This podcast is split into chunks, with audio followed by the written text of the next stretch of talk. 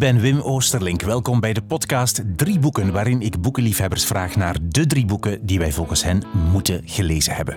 In deze aflevering is mijn gast politiek journalist Rick van Kouwelaert, geboren in 1950. Hij begon ooit als fotograaf en sportjournalist, maar werd uiteindelijk politiek journalist met een sterke historische achtergrond. Hij werkte lang voor KNAK, was daar directeur en hoofdredacteur. Op dit moment schrijft hij een wekelijkse politieke column in De Tijd. Ik ging bij hem thuis in Roosdaal in Vlaams-Brabant. We gingen zitten in de living. Voor mij een indrukwekkende muur vol boeken en een buste van Karel van de Woestijnen, half verstopt achter stapels boeken. Achter mij een even indrukwekkende muur vol boeken. Naast ons tafeltjes met boeken stapels hoog en nog een oude gesloten kast die hij tijdens ons gesprek zou opendoen en waaruit een heel bijzonder boekje tevoorschijn zou komen. Rick van Kouwelaert is een boekenverzamelaar. Hij vertelt over zijn boekencollectie, zijn schatten, over de bibliotheek van zijn vader en het moment dat jonge Rick in het katholieke gezin met een pikante Nederlandse schrijver afkwam. Het gaat over zijn recentste boek, over Fons Verplaatsen, de gouverneur van de Nationale Bank, over zijn favoriete boekhandel in Brussel en over het moment waarop hij zijn bekendste journalistieke onthulling deed, de uitspraak van Frank van den Broeke dat het Augusta-geld maar moest verbrand worden. Alle boeken en auteurs in deze aflevering vind je in een lijstje op de website wimoosterlink.be onder het kopje podcast drie boeken. Daar zie je ook de foto die ik nam van zijn indrukwekkende boekenkast. En dan nu veel luisterplezier met de drie boeken die je moet gelezen hebben, volgens Rick van Kouwelaert. De kast waar ik nu naar kijk, daar, daar staat alles wat politieke geschiedenis is van België. Maar daar zit dan ook Congo bij en zo. Dan in het midden zijn wat ik noem mijn, mijn Duitse auteurs, uh, zoals Thomas Mann. En ook uh, twee Italianen die mij nauw aan het hart liggen. Uh, Malaparte, Curcio Malaparte en D'Annunzio. Ja. Daar zitten nogal wat Fransen. Uh, Franse literatuur, Franse, Franse geschiedenis, maar literatuurgeschiedenis. Oh, daar zit dan ook Heinrich Heine, zit daar met rekken achter. Uh, Kipling, want ik ben, een, ik ben beginnen Kipling lezen met het, uh, met het fameuze boek Kim. Uh, Kim, dat, dat als, een, als een jongensboek wordt beschouwd, maar dat eigenlijk ook een volwassen boek is. En dat is, Kim is de naam van een jongen die meetrekt met een eilige man door Indië, mm -hmm. maar eigenlijk een spion is voor de Engelse geheime dienst. En dat is gebaseerd op ware feiten. Dat is een, een journalist van de Financial Times die ooit de hele uh, parcours van dat boek heeft doorgelopen. En tot de vaststelling is gekomen dat Kipling eigenlijk weinig uitgevonden heeft. Dus het is een spannend boek ook. En ik heb dat als zeer jonge lezer gelezen. En dat ik, ik lees daar soms nog eens in. Ja, echt? ja, ja, toch. En je bent door dat boek, ben je heel Kipling ben, Dan echt? werk ik ook heel Kipling ongeveer af. Je ja. werkt dat dan af? Wel bijna, ja. dat en, is uh, een, een ziekte van mij dan, ja. Dat, je hebt dat bij alles? Dat je zo... Wel, dat, ja, dat, dat heb ik nogal. Ja. Dus, uh, als, ik daar dan, als ik over iets iets wil weten, dan gaan we all the way. Ja? en je houdt dan ook alle boeken. Je hebt dan ook echt alle ja, boeken. Ja, ja, ik, ik, maar ik ben daarin opgegroeid omdat mijn vader was ook al een, een groot lezer. Had een hele mooie bibliotheek. Uh, wat ik woon in het ouderlijk huis hier. Dus dat is niet van hem hoor. Dat is, uh, die bibliotheek die is dan verdeeld geweest tussen de zussen en de, en, en, en de kinderen. Maar um, wij mochten alles lezen. Wij hebben nooit een, een, een, verbod gekregen van ja, dat moet je niet lezen, dat is niet voor jou of zo. Hij liet ons alles ontdekken in zijn bibliotheek. Hij zei nooit, je bent te jong hiervoor. Nee, ik herinner me nog dat ik met Jan Kramer thuis kwam, vrij, vrij jong, en dan zei wacht, je wordt er wel beu. dus ja, en nogthans, hij, was, hij, hij ging door, Emil van Kouwelaert ging door als een, een echte conservatief, hè, maar die ons in onze, in onze opvoeding en in onze lectuur compleet vrij heeft gelaten. Ja. En waar was dan de bibliotheek? Op dezelfde plaats nee, waar we nu die, zitten? Dus de, de thuis is verbouwd geweest in een andere plaats die, er, die ernaast stond. Ja. Want ik moet wel zeggen, dus boven is er nog zo'n plaats. Zoals dit nu, waar we nu zitten. Ja. Nog eens zoveel boeken. Ja. En wat is het dat dan? De bibliotheek of dat is, voor, dat is meer voor mijn werk uh, en uh, de, ja, wat dingen die ik regelmatig consulteer. Maar bijvoorbeeld, ja, ik heb een hele bibliotheek ook over wat een aantal bekende journalisten hebben geschreven, Amerikaanse, Engelse. Uh, ja, zo A.J. Liebling bijvoorbeeld van de New Yorker, uh, die een schitterende boeken heeft geschreven. Dan heb je H.L. Mencken, Henry Louis Mencken heet hij. Dat is uh, een Amerikaanse politieke verslaggever, maar die heel brutaal was voor zijn tijd. Heel, ja, bijna, ik zou bijna zeggen, Johan Antieresachtig schreef. En dat was in de jaren 20 en 30. Hè. Dus uh, dat soort figuur. Dan heb ik, ik heb het volledige werk van uh, Karel van het Reven, de broer van Gerard. Ja, staat er allemaal. En achter ons, we hebben nu, hey, achter mij ja. um, staat dus de muur die je net, waar je het net ja. even over had, onder meer Kipling. En de andere muur, er staat dus nooit. En daar staan ze Wel, daar nog staat, dikker, zeg je? Daar staan ze drie rijen? Daar staan ze drie rijen. Dat is, uh, dat is een hele rayon, zou ik maar zeggen, al de hele periode van de Eerste Tweede Wereldoorlog. Ja. Dan ook veel Rusland. Hm. Uh, ook de periode, ook de, de revolutieperiode, maar ook voordien. Mm -hmm. Want een van de boeken die ik gekozen heb, heeft daar ook met Rusland te maken, zul dat doen. Mm -hmm. Dan ja, de Amerikaanse geschiedenis, um, geschiedenis toekoer, de grote historici. Dan um, daar bijvoorbeeld alle klassieken. De, de Cicero's en de ja. Seneca's en zo. Ja, echt een Romeinse. Maar, dat zit allemaal, een beetje, zit allemaal een beetje verstopt achter elkaar. Oh, maar echt, is, uh, even iets tegen, tegen mensen die luisteren. Ik, je, echt, je zou hier moeten zitten. Echt, iets, dit, het is hier gewoon vol, want eerst naast er nog een kast ja. waar we het nog over gaan hebben straks. En dus behalve die twee muren vol boeken, die dus meters... Um, uh, ligt hier op tafeltje, liggen er ook nog zo stapels. Dat zijn dingen die moeten nog, nog uh, gerangeerd, gerangeerd en verwerkt worden. uh, ook nieuwe dingen die binnengekomen zijn. Daar, een, daar ja. een klein tafeltje vol met boeken. En toen ik binnenkwam, zag ik meteen rechts ook al. Ook ja, dat zijn, dat zijn wat ik noem, dat zijn vooral mijn Russen. En Tocqueville. De, de, de fameuze Tocqueville, die uh, zijn verzameld werk, ja, dat zijn 22 delen. Hè. dat is met zijn briefwisseling en weet ik wat allemaal. En zijn dagboekaantekeningen, uh, noem maar op. Dus Gallimard heeft hij ooit uitgegeven. En, uh, ja. Dus ja, die staan daar volledig. Kortom, ik zit hier in het paradijs, zoals we dat noemen eigenlijk. Wel, ik, ik ga naar de bibliotheek gaan. Uh, ik, ik, moet, ik heb graag dat ik het boek meteen onder de hand heb. Waarom ga je niet graag naar de bibliotheek? Wel, ik wil het meteen hebben. Snel. en dus uit de, uit de plukken en zeggen: Kijk, ik wil, ik, wat zoek ik nu weer? Ah, dat is dat. Ja. Ja. En toch de vreselijke, verschrikkelijke vraag om drie boeken te kiezen. Ja, dus om er drie Wel, te kiezen. Dat is, ja. dat is een beetje moeilijk, omdat ja, wat, wat, wat, wat zijn de boeken die je moet gelezen hebben? Ik vind dat je ongeveer alles wat hier staat moet gelezen hebben. Maar uh, dan denk ik dan toch, wat, wat, wat zijn van die boeken die, die, die, die, waarvan je zegt, ja, eigenlijk af en toe neem ik die nog eens vast. Ja, oké. Okay, we gaan toch het gaat toch moeten. We gaan toch een, uh, de keuze moeten maken om drie boeken te kiezen waarvan je vindt dat iedereen ze moet gelezen hebben. Wat is het eerste boek? Wel, het eerste, misschien meteen, ja, mijn dada eigenlijk, mijn, uh, wat ik ook verzamel.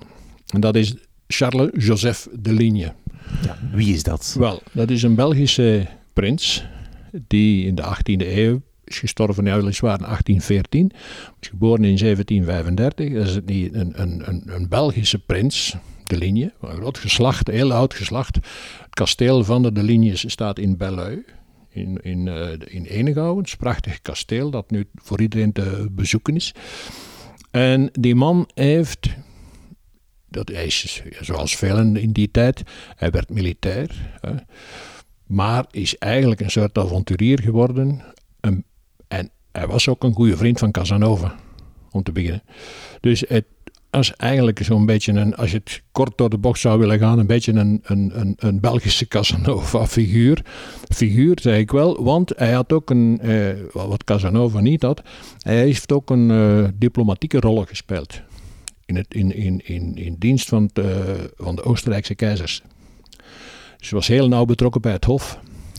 En dan door de Franse, door de Franse inval hier, in, uh, op het einde van de 18e eeuw, is hij noodgedwongen uitgeweken terug naar, naar, naar Wenen, waar hij ook gestorven is en waar hij begraven ligt. En daar eh, heeft hij dan het, het, het fameuze Weense congres meegemaakt, dat hij ook beschreven heeft. En waar hij van, van van zegt, het, uh, het, het, het, om het in Nederlands te zeggen, het, het congres marcheert niet, het danst. Nou waren namelijk grote feesten elke, elke avond en zo. Maar daar zaten dus alle groten van der aarde, van dat moment, zaren, koningen, die zaten daar samen aan de onderhandelingstafel. En toen hij gestorven is, en hij had dat voorspeld, dan zegt hij, ik ter afsluiting van het congres ga ik ze nog een begrafenis geven. Dus zijn begrafenis. En daar stond de tsaar van Rusland, de keizer van Oostenrijk, stonden daar te kijken. Terwijl hij dus van die klein, dat kleine huisje dat hij bewoonde in de Mulkerbastei in Wenen, met de rouwstoet vertrok, stonden die daar eens op te kijken. En een beetje verder uit het venster hing Beethoven, die de toets zien vertrekken heeft. Ja. Dus hij heeft Mozart horen spelen. Hij heeft uh, al, al die beroemde muzikanten heeft hij gehoord, gezien. Hij heeft met Goethe geconverseerd, met Voltaire, met Jean-Jacques Rousseau. Noem ze maar op. Hij heeft die allemaal geportretteerd in zijn memoires, die uh, twee volumes dik zijn. Ja. want het Britboekje van uh, Marijke Arijs is een vertaling in het Nederlands van uh, Charmeur van Europa heet het, Memoires.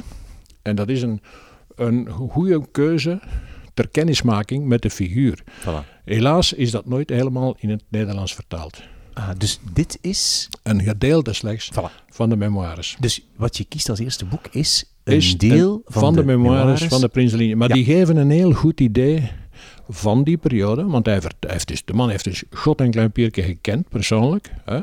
Ehm, heeft, beschrijft ook die, die, die periode met Napoleon. Hè? En hij, hij, was goed, hij was goed bevriend met Marie-Antoinette, dus de, de vrouw van de laatste koning van Frankrijk. Ja, ja dat, is, dit is, is onwaarschijnlijk wat die man allemaal heeft meegemaakt. En het is door mijn vader dat ik dat leren kennen heb, omdat die had het net gelezen. En die zegt tegen mij, toen ik was nog, ik denk dat ik nog geen twintig was, hij zegt, dat moet je lezen. Dit is ongelooflijk. En inderdaad, ik ben daar zo door uh, gefascineerd geworden door die figuur en zijn omgeving, dat ik alles verzameld heb van hem. Wacht, en nu wijs je naar die kast. een kast waar we het eigenlijk nog niet over gehad hebben. Nee.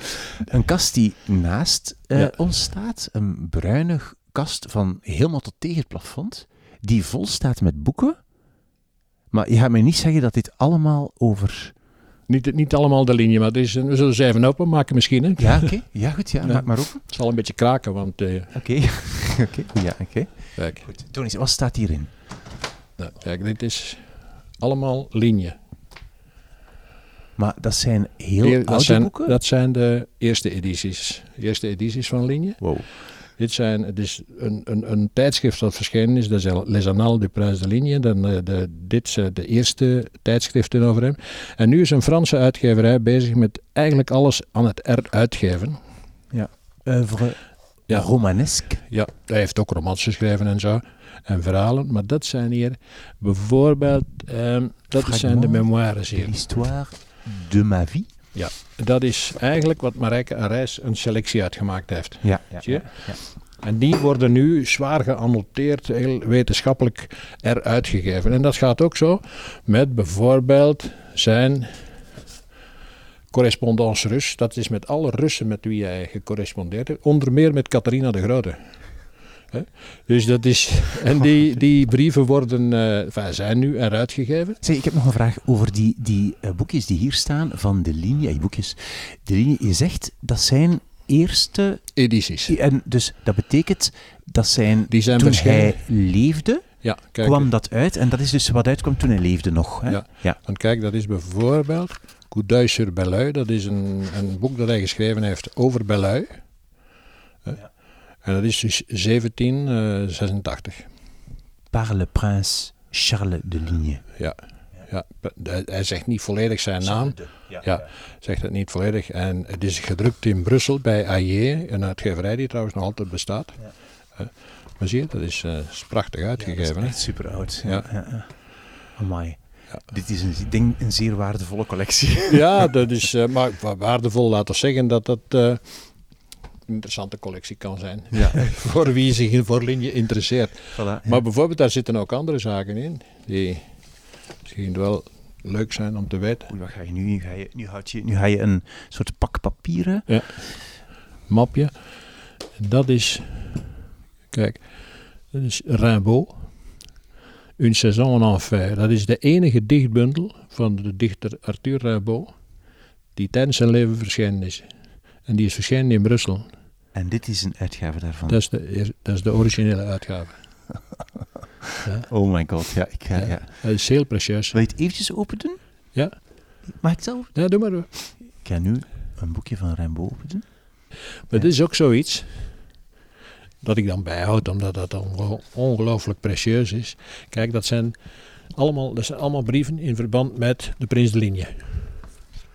Nu moet je je voorstellen, een plastic mapje met zo van die echt oude ja, papieren erin. Zo echt zo oude papieren met is een briefwisseling die te maken heeft met Belui. Met, dat, dat zijn mensen die voor hem gewerkt hebben.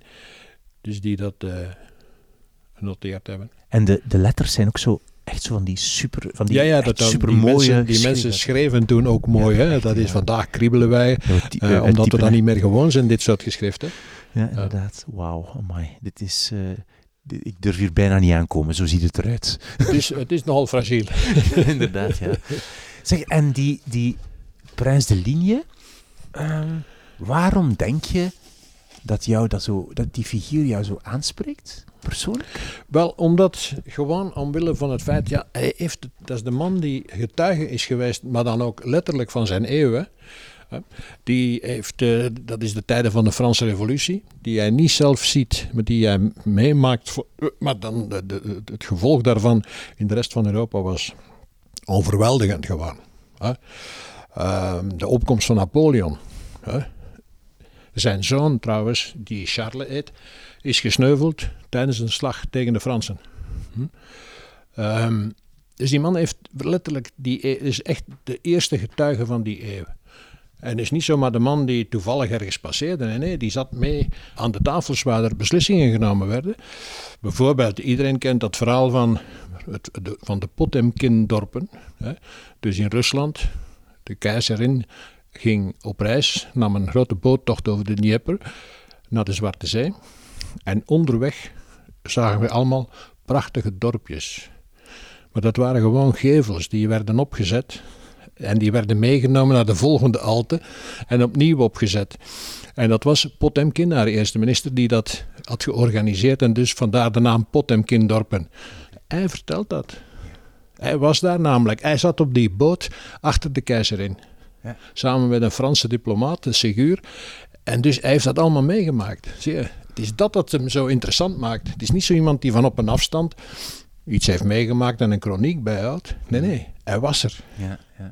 En jij bent zelf uh, politiek commentator. Ben je, zoals de linie ook, zou je jezelf omschrijven als iemand die even goed betrokken is bij de politieke actualiteit van de afgelopen nee, Nee, want hij was, hij was een, ik zou niet zeggen een medebeslisser, maar hij zat naast de beslissers. Hij heeft, hij heeft in, in, met Metternich, de man die Europa verdeeld heeft, zat hij aan tafel. Die, want ik kwam bij hem in de salon. Die kwam hem groeten. Hè.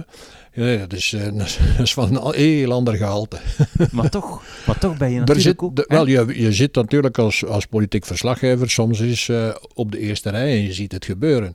Uh, maar dit is een leven vol, dat is een aaneenschakeling. Die man wordt dus door zijn vader, als een kleine jongen is, en die, de eerste zin, een van de eerste zinnen van, van zijn memoires is ook prachtig als hij over zijn vader, wat zegt hij hier? hier zegt, mijn vader hield niet van mij, ik weet niet waarom, want we kenden elkaar niet. dat, dat, die, die, die, de relatie vader-zoon in die tijd, in die families, was totaal anders dan vandaag. Hè? Maar die wordt dan op een dag voorgesteld aan een jonge dame en hij gaat daarmee trouwen. Hè? Hij is die ook uh, amper een week trouw gebleven dan volgens zijn memoires, want dit, hij is nogal expliciet over zijn, over zijn avonturen ook. En dan wordt hij meegenomen en dan moet hij page worden bij de keizer. En zo klimt hij op in het leger, tot hij eigenlijk het eindigt als, als veldmaarschalk. Ja. Maar toch, zo, je, je, je voelt bij jou natuurlijk een, de interesse in het, in het politieke leven van vandaag, de commentaar ook op het mm -hmm. politieke, de beschrijving ook in, jou, in jouw boeken van, van, en in de columns, de, de beschrijving van wat er vandaag in de actualiteit in België dan gebeurt. Dat, Dat lijkt daar toch op? Wel, laat ons zeggen dat, dat, uh, dat er een verwantschap is. Dat je, je probeert ook die, die, jouw tijd en, en jou, wat, wat je meemaakt op die manier een beetje mee te geven. Uh, en in die zin, in die zin is, hij, is hij ook vaak, ik zal niet zeggen geïmiteerd, maar zijn mensen die zijn voorbeeld gevolgd hebben, die ook hun, hun memoires op papier zijn beginnen zetten, die van hem zijn verschenen na zijn dood, gelukkig, want ik denk dat er een aantal mensen waren die zeer ontevreden waren en hij wist dat ook dat dat ging gebeuren. Schrijf je zelf ook, hou je zelf ook bij nee. wat je doet? Nee. Dat doe ik niet. Geen dagboek? Nee, nee, nee, nee dat heb ik nooit gedaan. Dat zou wel interessant zijn. Misschien, maar misschien is het ook goed dat ik het niet gedaan heb. Waarom zeg je dat? Nee, ik weet het niet. Je, je, ziet soms dingen in de politiek gebeuren, wat de jaren te bergen reizen. En dan is het misschien toch beter van dat niet, niet op papier te zetten. Ja, oké. Ehm, denk je dat je als politiek commentator en als beschrijver van het politieke leven van mhm. deze tijd, ruim genomen, dat je ook invloed hebt op de politiek? Dat daar, dat daar iets van doorvloeit? Ik zal niet zeggen, wat invloed misschien een klein beetje, macht zeker niet. Dat is een illusie van journalisten te denken dat zij macht hebben. Maar je kan af en toe iets in de goede zin beïnvloeden. Door de aandacht op iets te trekken, bijvoorbeeld. Uh, ik geef een voorbeeld dat niks met mij te maken heeft, maar iemand die dat zeker gedaan heeft, is iemand als Chris de Stoop. Toen ik bij KNAK uh, mee samengewerkt heb. En Chris heeft door zijn boeken en door zijn artikelen in KNAK destijds inderdaad een aantal stenen verlegd. Hm?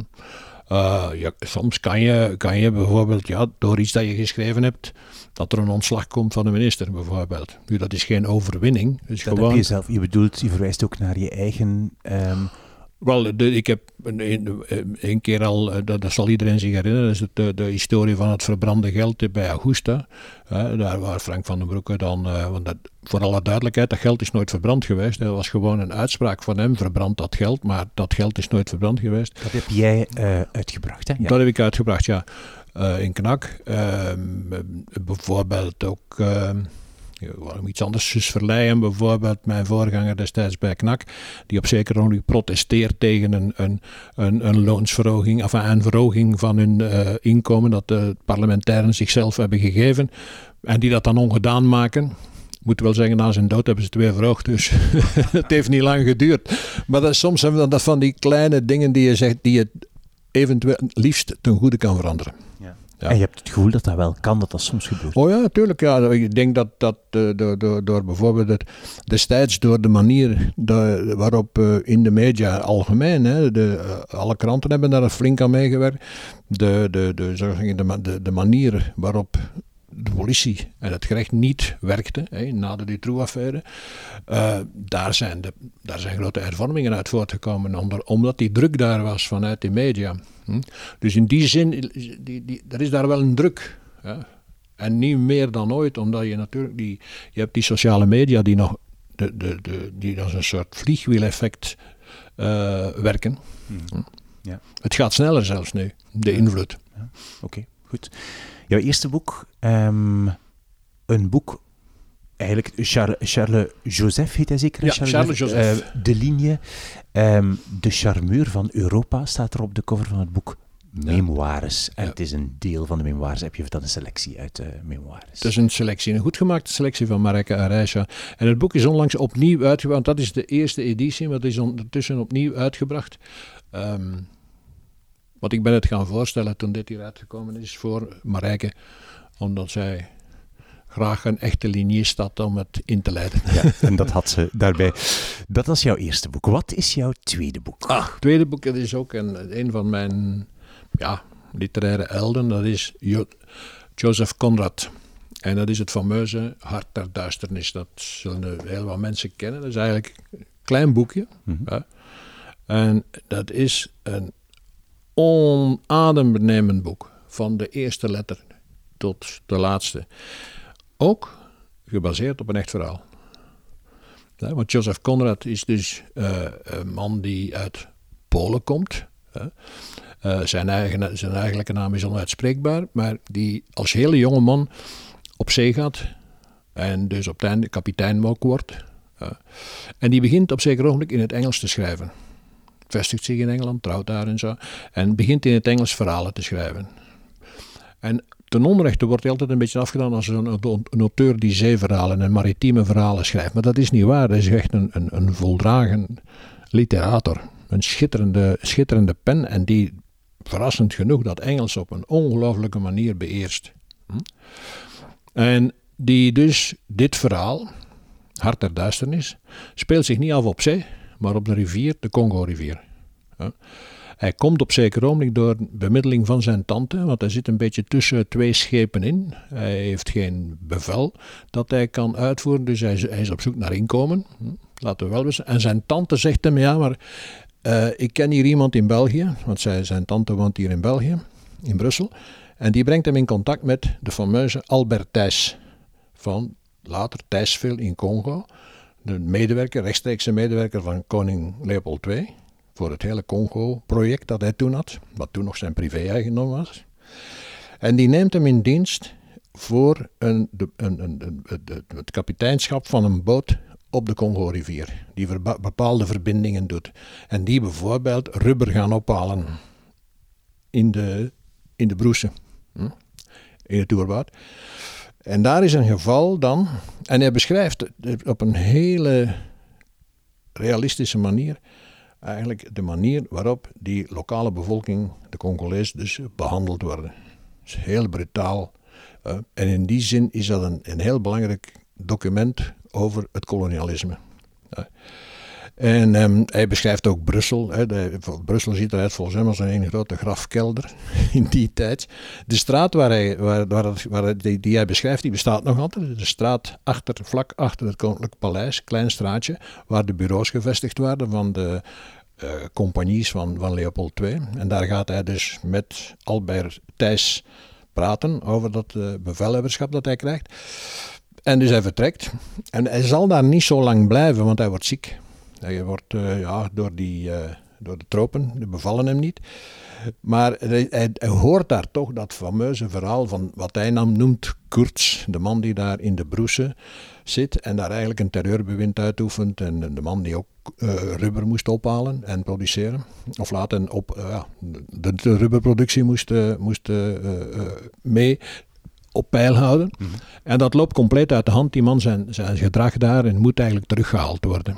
En hij is de man die hij moet gaan terughalen. Dat is het hele verhaal. Maar dat is, en daar is, eh, in een paar zinnen zegt hij, dus ik heb het nog even aangestipt.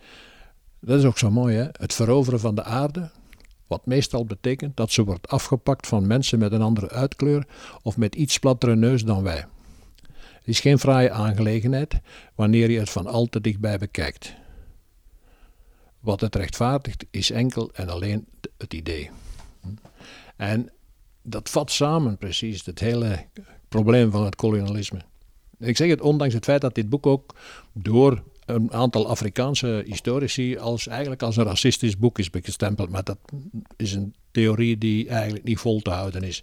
Dit is echt een, een, een ja, een getuigenis.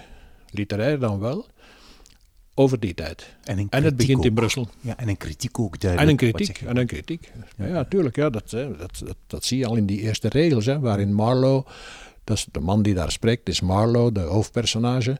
Dat is eigenlijk hij zelf. Ja, want hij voert die in een aantal nog andere romans van hem op. En daarom is dat zo, daarom heeft mij dat destijds toen ik het las, zo aangegrepen. En ja, Apocalypse Now, de film, de fameuze film, is daarop gebaseerd eigenlijk. Is het is hetzelfde verhaal, maar het speelt zich af in Vietnam. Maar de verhaallijn, die sterke verhaallijn, die komt van bij Joseph Conrad. Ja, je zegt, en het is prachtig vertaald door Bas Heijnen. Ja. Je zegt aangegrepen, maar door het, door de het verhaal. of door het literaire? Of? Het literaire en het verhaal. Maar ook de manier, de krachtige manier waarop die man schrijft. Weet, daar staat om te beginnen nooit een woord te veel. Dus, hij moet de meester zijn geweest in het schrappen. En waarschijnlijk ook omdat hij, hij schreef waarschijnlijk ook traag, kan ik me inbeelden, omdat hij, ja, hij dacht waarschijnlijk nog in het Pools, maar schreef in het Engels. Moet je niet onderschatten hè, als proces. Ja. ja. Um, lees je dit in het Nederlands? Dit is een, ik, dit is een Nederlandse editie, maar ik heb, ik heb ze ook staan in, de, en in het Engels. Ik heb ze de eerste keer in het Engels gelezen. Ja. Ja. En maakt het meer indruk in het Engels, denk je? Wel, dit is goed vertaald door Bassijn, Ja, dus schitterend vertaald door hem. Ehm, dus eh, ik denk, voor de- of het nu in het Engels leest of, of in het Nederlands, het, is, eh, het blijft even beklijven. Ja. In je kast staan eh, heel veel talen, heb ik al gezien, maar, maar wat lees je het meest? Meest het Nederlands, neem ik aan. Maar ik moet zeggen, nogal wat, ik ben nogal, Angel, nogal van huis uit nogal Anglo-Saxisch gericht geweest, altijd. Ja. Maar ook Frans. Ik ook veel Frans. Omdat ehm, de, mijn, mijn vader bijvoorbeeld, die komt s'avonds thuis met een stapel kranten. Dat was ook journalist, hij was eh, hoofdredacteur van het Volk, eh, politiek hoofdredacteur. Kwam elke avond thuis met een stapel kranten en de meeste daarvan waren Engelse of Amerikaanse kranten. Zijn broer, Karel, die nog senator is geweest, die bracht ook stapels mee. Maar dat waren Franse kranten. Die was helemaal op Frankrijk gericht. En zo ontstond daar in, interfamiliaal een uitwisseling van dit moet je lezen en dat moet je lezen, dat je eigenlijk door de twee bent eh, besmet. Ja, je hebt het gevoel dat je daardoor... Ja. Je, bent daardoor beïnvloed. Ik mis alleen nog een Duitse een onkel. maar ik heb nu een zus die in Duitsland woont, dus dat begint te helpen. Het is ook iets makkelijker geworden Ja, nu, ja. natuurlijk. Ja. Ja. ja, en dus je leest dat op dit moment ook echt door elkaar. Je, je leest even vlot Frans als, als Wel, Nederlands. af en toe moet je wel eens zeggen, ja, dat is een, een, een woord, een, een, als je, zeker als je in een 19e-eeuwse tekst bezig bent, zie je soms een woord dat je zegt, hm, dan moet ik toch hier even gaan bekijken. Maar dan heb ik ook heel de, de litré, eh, grote litré-woordenboek boven staan om dat precies, want dat boek is ook 19e-eeuws, dus dat geeft de... eh, Zoals mijn goede vriend Paul Klaas, de dichter, zegt: Als je Rimbaud of Verlijnen vertaalt, dan moet je kijken naar de woordenboeken uit die periode, om die juist te vertalen. Om de nuance, want de nuance verschilt en in woorden. Ja. Zoals bij ons. Hè. Bij ons heb je woorden die in onbruik zijn geraakt, of die gaandeweg een andere betekenis hebben gekregen. En dat heb je dus ook in het Frans. Dus als je die dingen hebt, als je die leest, dan moet je eigenlijk naar een woordenboek gaan kijken uit die tijd. Om de precieze betekenis te zien. Ja, dat, dat vraagt wat tijd. maar dat, eh, nee, nee, maar ik kan het, eh, ik lees het wel, ik lees het wel eh, vrij vlot. Ja, Ja. oké. Ehm, je bewondert dit onder meer, voel ik, door, voor de taal en voor de, de, Ja. de ta- deskundigheid van, van het schrijven. Je hebt zelf ook al een aantal boeken geschreven. Ehm, recent nog over de gouverneur van de Nationale Bank, eh, Ja, verpla-. Fonds Verplaatsen. Ehm, hoe gaat dat bij jou, schrijven? Hoe, wanneer kom je tot een boek? Ik heb even over niet over columns, maar Ja. over een boek. Hoe kom je tot een boek? Wanneer beslis je van, hier ga ik een boek over schrijven? Wel, ik heb een aantal boeken, eh, zoals je zegt. Ik heb, eh, eh, het eerste boek was over de Augusta-crash. Dat was over het, schandaal van Augusta. Dan heb ik nog een, iets geschreven in, in, was in, in, in 2012. Dat was over, over die fameuze open brief van Jules de Stree. Hè, Sire, er zijn geen Belgen. Dat is, een, dat is een open brief van de koning die eigenlijk nooit in het Nederlands is vertaald. Die was sinds 2000 1912 nooit in het, die is vaak geciteerd, maar niemand heeft die ooit, tenzij in stukjes, in het Nederlands vertaald. En ik heb daar de tekst bij geschreven en mijn goede vriend Mark van Vrachem, uit Ancien van Clara, heeft de, heeft de tekst vertaald. Prachtig vertaald trouwens uit het Frans.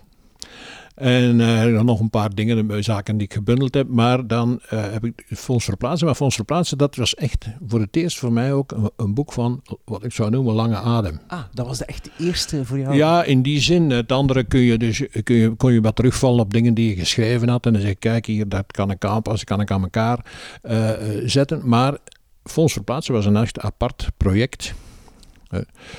En het punt daar was, dat wat, wat de zaak een beetje bemoeilijkte, was dat die man niets had bijgehouden. Geen enkel archief. Zelfs geen agenda's van die, sommigen bijhouden van, van, van die verschillende agenda's per, per jaar. Niks. Die man had niets. Geen spatje papier. Dus alles moest gereconstrueerd worden met gesprekken. Vandaar dat dat natuurlijk ook een tijdje duurt. Vooral, en daar zitten er ook mensen die in het buitenland zaten. In Duitsland, in Nederland, in Frankrijk. Die met hem gewerkt hebben. Ook of in Zwitserland. En ja, dat duurde dus zeer lang. En dan moet je dat, dat boek een beetje ja, componeren. Hè? Ja. Maar dan merk je toch dat je voor een stuk terugvalt op je. In mijn geval dan. Hè. Ik denk dat bij anderen zullen andere werkmethodes hebben. Maar in mijn geval, dat je op een, op een bijna journalistieke werkwijze terugvalt. Namelijk dat elk hoofdstuk kan je bijna apart nemen. Het is een verhaal over verplaatsen en wat hij gedaan heeft. Maar het is, het is af, het verhaal. En dan is er een volgende episode in zijn leven. Dus het is eigenlijk in, die, in episodes gemaakt. Artikels bijna. Bijna in artikels, ja. Alleen, ik moet zeggen, het heeft wel een, een tijdje geduurd voordat ik echt uh, in, in, de flow ben gekomen. En ik moet zeggen, ik dank het aan de, ik zal het altijd zeggen, aan de eilige corona dat ik aan het werk ben gegaan verplicht thuiszittend, ik bedoel, in, in, in, de, in, de, in de lockdown, ja, dan zeg je, ja goed, als het nu niet gebeurt, dan gebeurt het nooit meer. En dat, zo is het gegaan. Ja. Ja. Je bent ook columnist voor De Tijd, ja. eh, op dit moment al, al heel lang. Uh, hoe, als je schrijft, journalistiek, um, heb je dan een soort schrijver waaraan je je, ja, die jouw inspiratie, nee, inspiratie is het woord niet. Ik bedoel, ik bedoel, hmm, dat je ook zo goed wil zijn. Dat je ook zegt, ah, van, ja, oh, dat, dat, is mijn voorbeeld als wel, journalistiek schrijver. Voorbeeld en, en, niet zozeer dan, dan wel dat je zegt, ja, die, uh, bijvoorbeeld, je hebt een Nederlander die ondertussen al lang overleden is, Bart Tromp. Zegt weinigen waarschijnlijk. Dat was een man die, uh, dat was een P van de A in, in, in Nederland, was zo'n beetje de, de, de, zal ik maar zeggen, de, de ideoloog van de partij, van, van de Socialistische Partij in, in Nederland. Maar dat was een heel erudite man. En die, wat hij wel kon, was in zijn stukken die hij onder meer schreef voor de kranten, maar ook op het einde van zijn leven voor Elsevier bijvoorbeeld, de, de weekblad Elsevier. Dat, waren, dat, dat was doortrokken van allemaal verwijzingen, punten, zo, die referentiezaken, die je zegt van, nu zijn we al eens geneigd in de krant om te schrijven historisch. Veel blijkt dan niet zo historisch te zijn. Er blijken al drie, vier van dat soort gevallen zich voorgedaan te hebben. Dus dit soort, soort referenties zeggen je, maar let op, dat is toen gebeurd. Die heeft toen dat gedaan. En dat soort verwijzingen. Um, laat zeggen dat dat toch, uh, dat spoort aan om dat ook te doen. Omdat dat werkt. En ik merk dat ook, dat mensen dat graag hebben, dat zij zo'n referentiepunt hebben.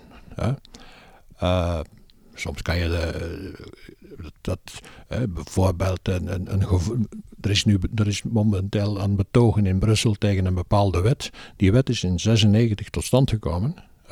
Waarom heeft men die gemaakt? Verplaatsen is de inspirator geweest van die wet. Ja, dan is het toch goed om te zeggen, die wet is er daarom gekomen destijds en heeft daar effect gehad. Dus mensen hebben wel dat graag, hebben de, de lezers hebben graag dat soort referentiepunten. Omdat het uitzonderlijk is, denk ik, dat iemand ja, ze kan geven. omdat het nu denk ik door de manier waarop ja, de media nu werken, misschien te weinig tijd krijgen om dat nog eens te gaan bekijken. Om die tijd te nemen, omdat ik heb een week de tijd om rustig na te denken over wat ik ga schrijven op donderdag. Dus ik uh, zit in een wat luxe positie wat dat betreft. Maar dus, ja, in die zin een Bart Dromp, uh, maar wie doet dat nog? Je hebt een aantal, uh, een, man, een man die ik ook, ja, toch wel waar ik ook alles van heb, is ongeveer is John Gray, de, de, de, Engelse filosoof en, en, columnist van de New Statesman. Die, ja, dat is niet dat, dat is van een totaal ander niveau natuurlijk, want de man is echt een van de filosofen daar in, in, in de grote filosofen in, in Engeland. Maar hij gebruikt dezelfde technieken. Je ziet dat. Ja. Soms kun je dat. Uh, ik, ik, hoorde ooit eh, op een Nexus-conferentie in Nederland, in Tilburg was dat toen, de universiteit. Nu hebben die plaats in, in, Amsterdam. Maar dat is een hele jaarlijkse bijeenkomst met, met debatten en zo. Dat is een schitterende zaak die elk jaar uh, georganiseerd wordt. En op zeker moment is daar Steiner die komt spreken de, de filosoof Stein. Oké, de, ja, de, Engelse, Engelse, Joodse eh, filosoof en, en literatuurspecialist, komt daar spreken. Wacht, niet de onderwijs. Uh, nee, nee, nee, nee, nee. En die, eh, die is aan het praten en ik zeg tegen mijn vrouw, ik heb dat al eens gehoord, alhoewel het de eerste keer was dat ik hem hoorde praten. En dan zag ik ook zo de hele handige manier waarop hij dingen die hij geschreven had in zijn toespraak recycleerde, dus bij manier van spreken. Maar heel anders gedaan.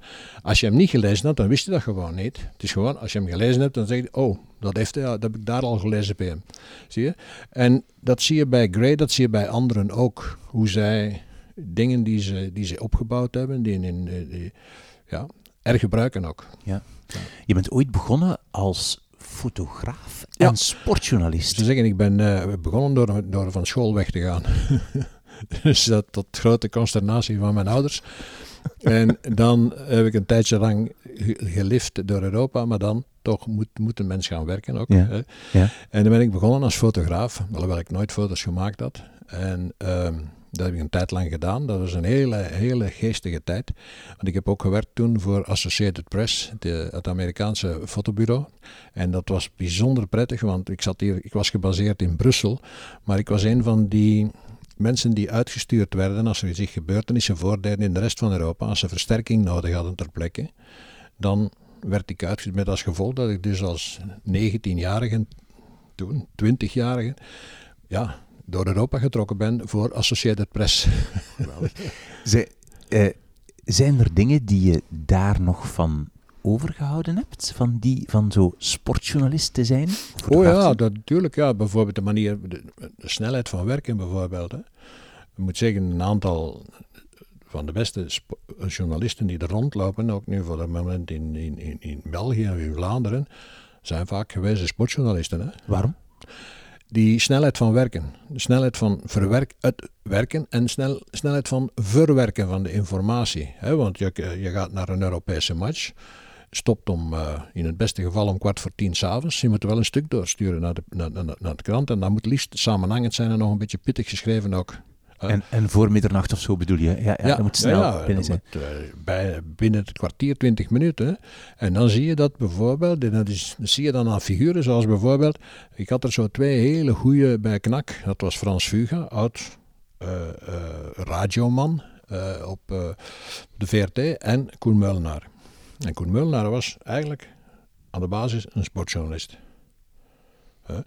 En eh, op zeker ogenblik, wij vernemen op het nieuws van zes uur dat eh Roeland, eh, Goethals is overleden. Raymond Goethals. de, de, de voetbaltrainer. trainer.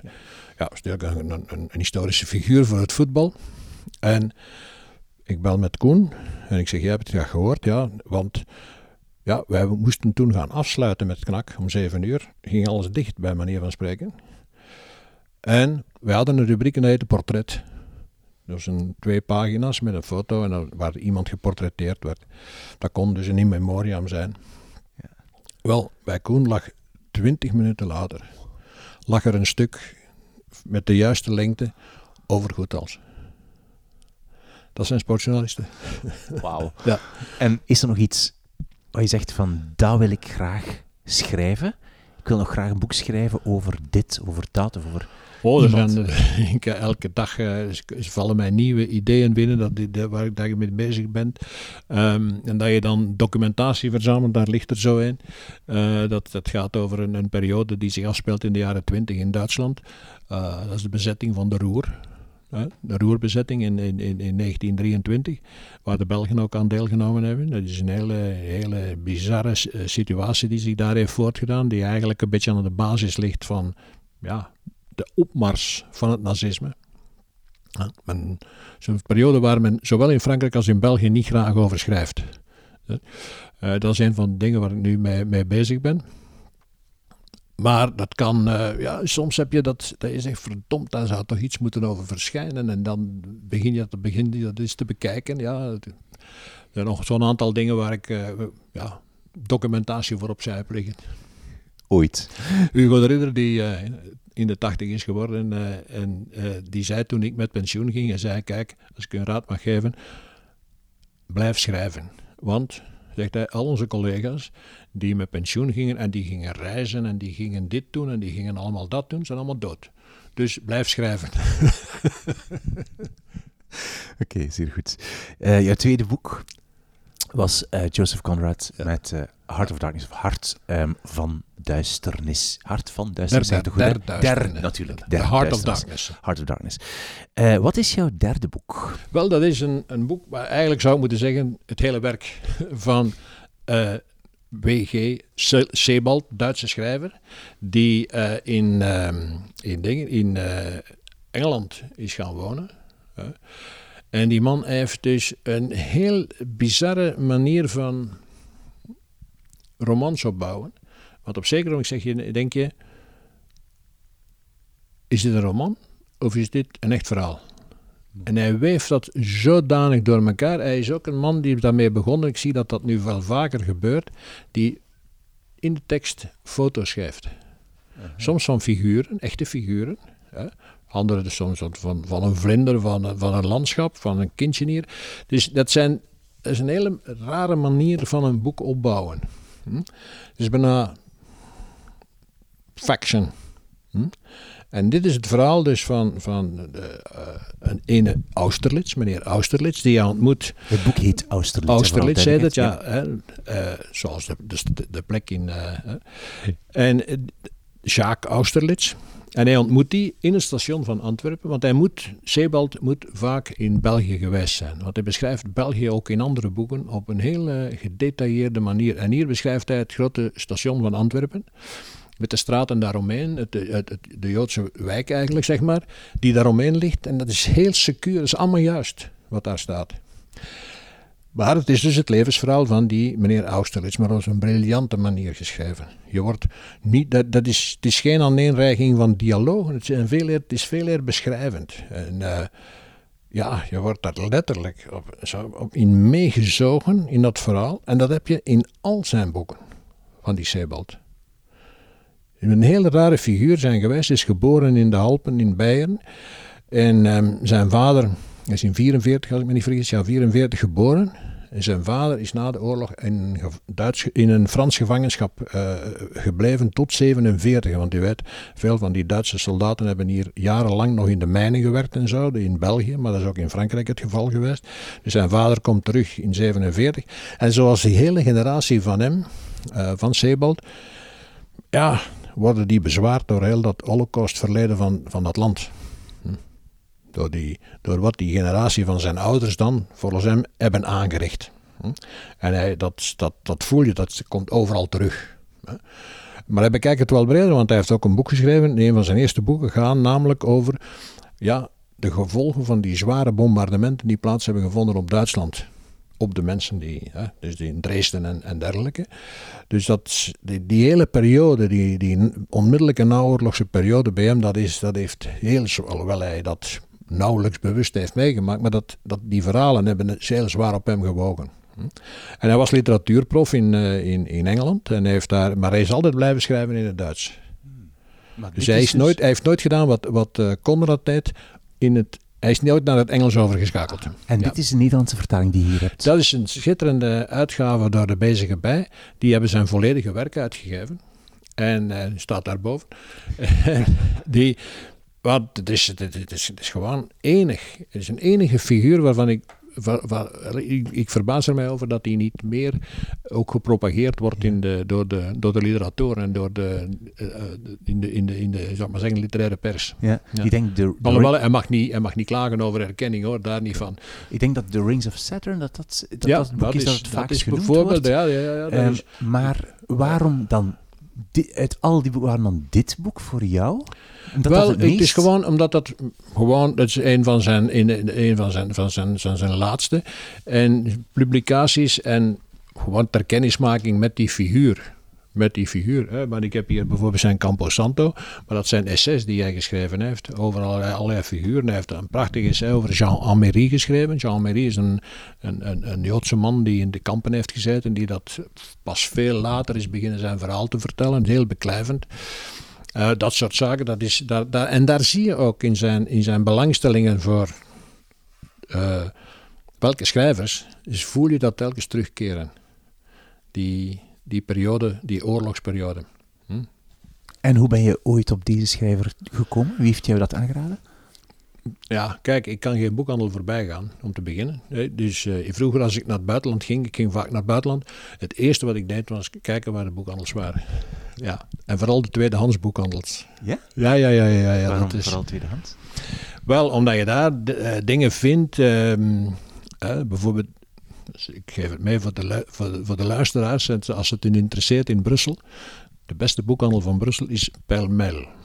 Pelmel, zoals de fotootjes in een kader. Hè? Ja. Pelmel. En er zijn vier vestigingen van Pelmel in Brussel. En dat, is, zijn enorme boekhandels, tweedehands. En daar koop je dus meesterwerken in een prachtige uitgave voor 5 euro. Ga je iets doen? Die, die, die recente aanwinst Ja, nu, eh, of over de literatuur eh, Edmund Wilson. Dat is een hele biografie. Van Jeffrey Myers. prachtige uitgave. En ik kom wel altijd de prijs uit als ik mijn dingen. Maar die heeft dus letterlijk 5 euro gekost. Waarom gewoon je de prijs uit? Ik, doe, ik kan er niet verdragen dat er, in, uh, dat er prijzen staan in boeken. Of dat er iets is- staat. Nee, nee, het geschreven niet. Dat, Ellen, schrijven zeker niet. Hè? En eh, dat is de doodstraf bij mij. Ah, je mag niet schrijven in Nee, nee, nee. Het is een kleine potlood aantekening. Maar met eh, stift, zoals mensen die met een viltstift daarin... Nee, nee, nee, nee, nee dan is dat een ter doodveroordeling. Maar waarom moet je de prijs er dan uit? De prijs, ik vind dat, ja, bon, dat is zo...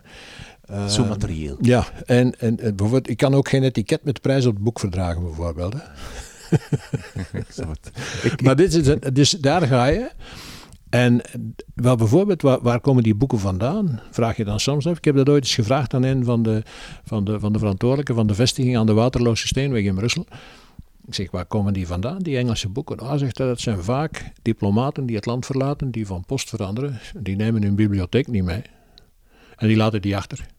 En die worden dan door, door het ambassadepersoneel binnengebracht van, oh, hier. En dus dan heb je het van, ja, en dan soms zitten daar de aankoopbriefjes nog in van een boekhandel in, in New York of in Los Angeles of in San Francisco of weet ik veel. Dat, is, dat is altijd een leuk aandenken. Maar dat is volgens mij de beste boekhandel van Brussel.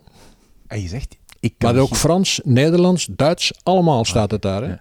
En voor de muziekliefhebbers is er beneden ook nog eens een ongelofelijke rayon met platen. Zowel eh, oude LP's als CD's. Onwaarschijnlijk. Ik Ja. ken het niet. Het is een, is een, eh, een groot pretpark. Eh, Wel ja, het is een goede tip. Eh, ik zet hem in de show notes van eh, deze aflevering. Eh, je zegt, ik kan geen boekhandel voorbij lopen. Wat, wat, wat gebeurt er dan? Koop Ik je dan moet even, moet even binnengaan en zien, ja, ligt daar iets dat, eh, dat hier op mij ligt te wachten. En is dat meestal zo dat er iets ligt? Niet altijd. Hè. Eh, Ja, bij de nieuwe boeken is dat, is dat minder het geval, omdat je dat, de, de dingen die mensen, uitgeverijen weten wat mij interesseert. Dus eh. Dat komt hier al toe. wel, vroeg of laat komt dat hier dus toch toe. Maar ehm, ja, soms is er een, een, iets dat vanuit Nederland komt. Want eh, is- men, zou denken dat alles wat in Nederland verschijnt automatisch ook hier belandt. Dat is natuurlijk niet waar. Hè? Ja, dus als je gaat kijken naar de Atheneum boekhandel in, in, in, in, in Amsterdam bijvoorbeeld, dan zie je daar een, een rayon met Nederlandstalige literatuur, maar die gelijkt in niets op die die, die je in Gent of in Brussel te zien krijgt. Waarom? Ja, die, die, die, die smaken zijn anders. Bijvoorbeeld, ik heb het volledige werk gekocht van eh, de, Karel van het Treven. En zeven delen. Dat was hier niet te vinden. Dus dat moest besteld worden. Dus een boekhandel in Leuven heeft dat voor mij besteld en dus die, die liet dat komen.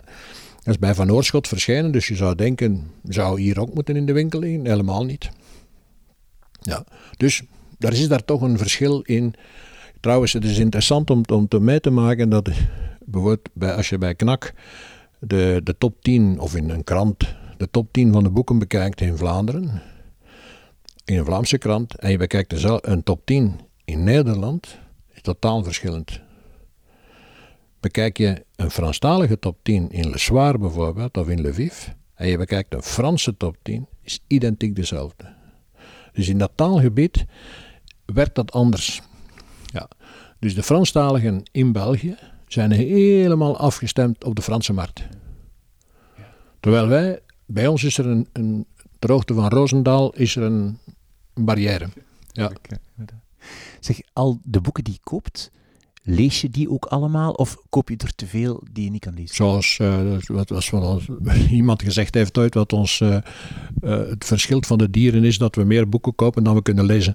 En, maar ehm, die, ehm, ja, natuurlijk, soms lees je, le- lees je ook iets voor, omdat daar een hoofdstuk in staat of een, of een essay. Dat je absoluut moet gelezen hebben. Iemand die bijvoorbeeld over de Prins de Linie geschreven heeft, die kan voor de rest daar een boek geproduceerd hebben dat totaal, mij totaal vo- voorbij gaat. Maar dat ene hoofdstuk, en dus moet je dat boek hebben. Ja, inderdaad. Ja. Oké. En hetzelfde is over Conrad en dergelijke. Ja. Mhm. Is het toeval dat twee van, drie van jouw boeken toch eigenlijk heel dicht bij journalistiek liggen? Dat je zegt van eh, zowel bij Conrad als bij Sebald dat het Waarschijnlijk, eigenlijk... waarschijnlijk niet. Ja. Waarschijnlijk niet. Ja. Nee, nee. Ja, ik denk dat dat eh, gewoon te maken heeft met belangstellingen ook. Hè? Ja, ja. En ik heb graag, eh, ook als het dan over romans is, en ik lees niet, zoals je kan zien, niet zoveel romans. Maar als het dan toch over romans gaat, dan heb ik toch liever een roman te lezen van iemand die echt ook iets meegemaakt heeft. In plaats van naar de muur heeft zitten staren en zich over zijn lot heeft bekommerd. Hè? Zie je? Ja, ja, inderdaad. Ehm, wacht hè, nog zo'n vraag. Uh, in alle drie jouw boeken komt, komt, zit er iets Belgisch. Hè? Zit, dus bij De Linie is een Belg, Belgische prins. Hè? Conrad, uh, gaat, oh, oh, sorry, Conrad gaat de hoofdfiguur op weg. Uh, begint in Brussel. Belgisch firma, voilà, begint in Brussel. En uh, het andere begint, Sebald begint in Antwerpen. Ja. is België voor jou toch zo een soort basisuitgangspunt. Oh ja, ja, ja, ja. ook. Daarom zie je de, de, geschiedenis van België die daar staat. Uh, op uh, twee rijen. Dit is natuurlijk. En, van, en vanaf het, het, het prille begin. Ik ben bijvoorbeeld zeer geïnteresseerd in alles wat te maken heeft met 1830. Dus de revolutie, hoe is die ontstaan eigenlijk? Hè? Want daar bestaat, men heeft daar ook een soort een legendevorming rond gemaakt. Maar het is wel een beetje, allemaal een beetje gecompliceerder dan men eigenlijk. En, en Els Witte bijvoorbeeld heeft dat heel mooi beschreven in haar boek over de, de Republikeinen en ook over het, het Orangisme. Een prachtige zijn meesterwerken van de, van, van Vlaamse geschiedschrijving. En Els Witten heeft dat heel mooi uitgelegd. En daar voel je dan natuurlijk dat het niet zo simpel was als het tot ons in de scholen in de vaderlandse geschiedenis werd uitgelegd. Hè. Dat daar toch andere invloeden speelden. Bijvoorbeeld de Engelse invloed, die veel groter is. Men heeft altijd uitgegaan van de Franse invloed bijvoorbeeld. Terwijl de Engelse invloed minstens even groot is geweest. Want die zagen niet graag dat er daar zo'n zo'n verenigd eh, koninkrijk der Nederlander bestond dat zich ook industrieel op een ongelooflijke manier aan het ontwikkelen was. Dus ze zagen liever, toen daar een breuk zich voordeed, dan zagen ze liever die breuk dan dat Verenigd Koninkrijk blijven bestaan als concurrent. Hè, want dat zagen ze zo wel. Dus die, ja, België is een, een ook de 19e-eeuwse geschiedenis van België is een volgens mij nog altijd onontgonnen gebied. Iedereen zit natuurlijk, vooral bij jongere historici, zit bezig met die periode van de, de Tweede Wereldoorlog. Hè. Dat is een periode die zwaar blijft fascineren, ook omdat daar gebeurd is wat er gebeurd is, de collaboratie en zo. Je ziet dat ook aan de programma's die ze nu op televisie lopen.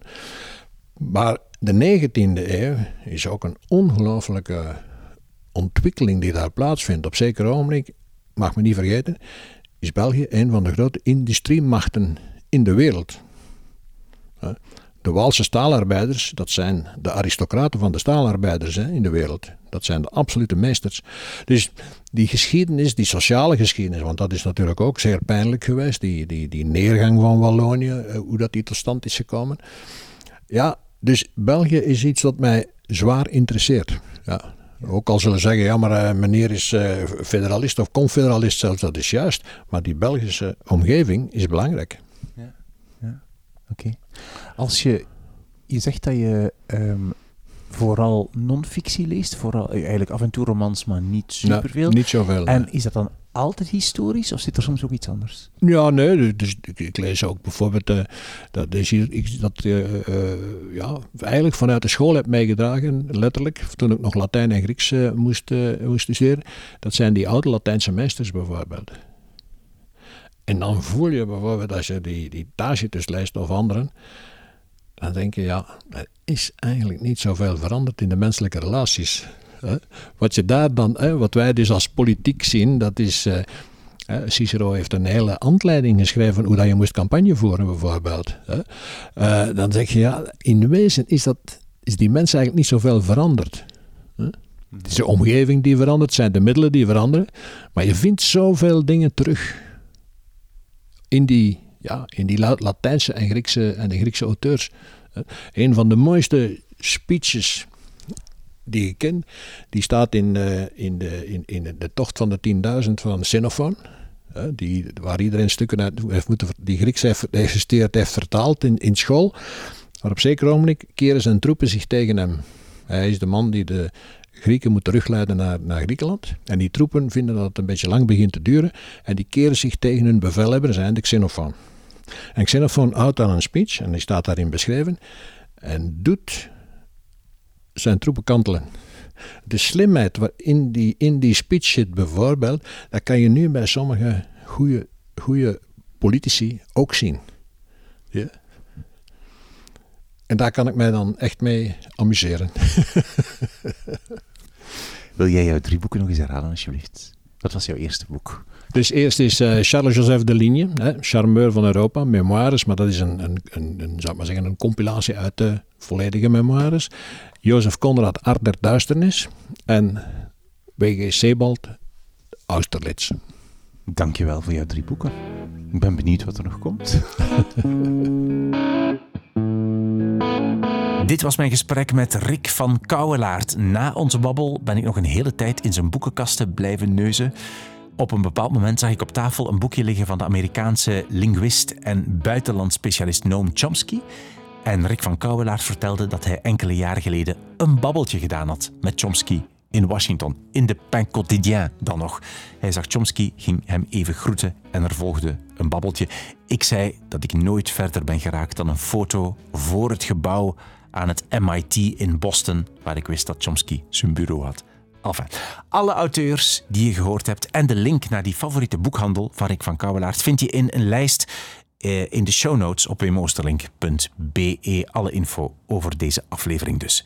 Abonneer je op deze podcast of op updates op wimoosterlink.be als je geen enkele aflevering wil missen. En vertel vandaag of morgen aan twee vrienden of vriendinnen hoe ze ook naar deze aflevering of naar deze podcast kunnen luisteren. Denk eens na wie je met deze podcast een plezier kan doen. Ik ben Wim Oosterlink. Dit is de podcast Drie Boeken. Dank je wel voor het luisteren en tot de volgende keer.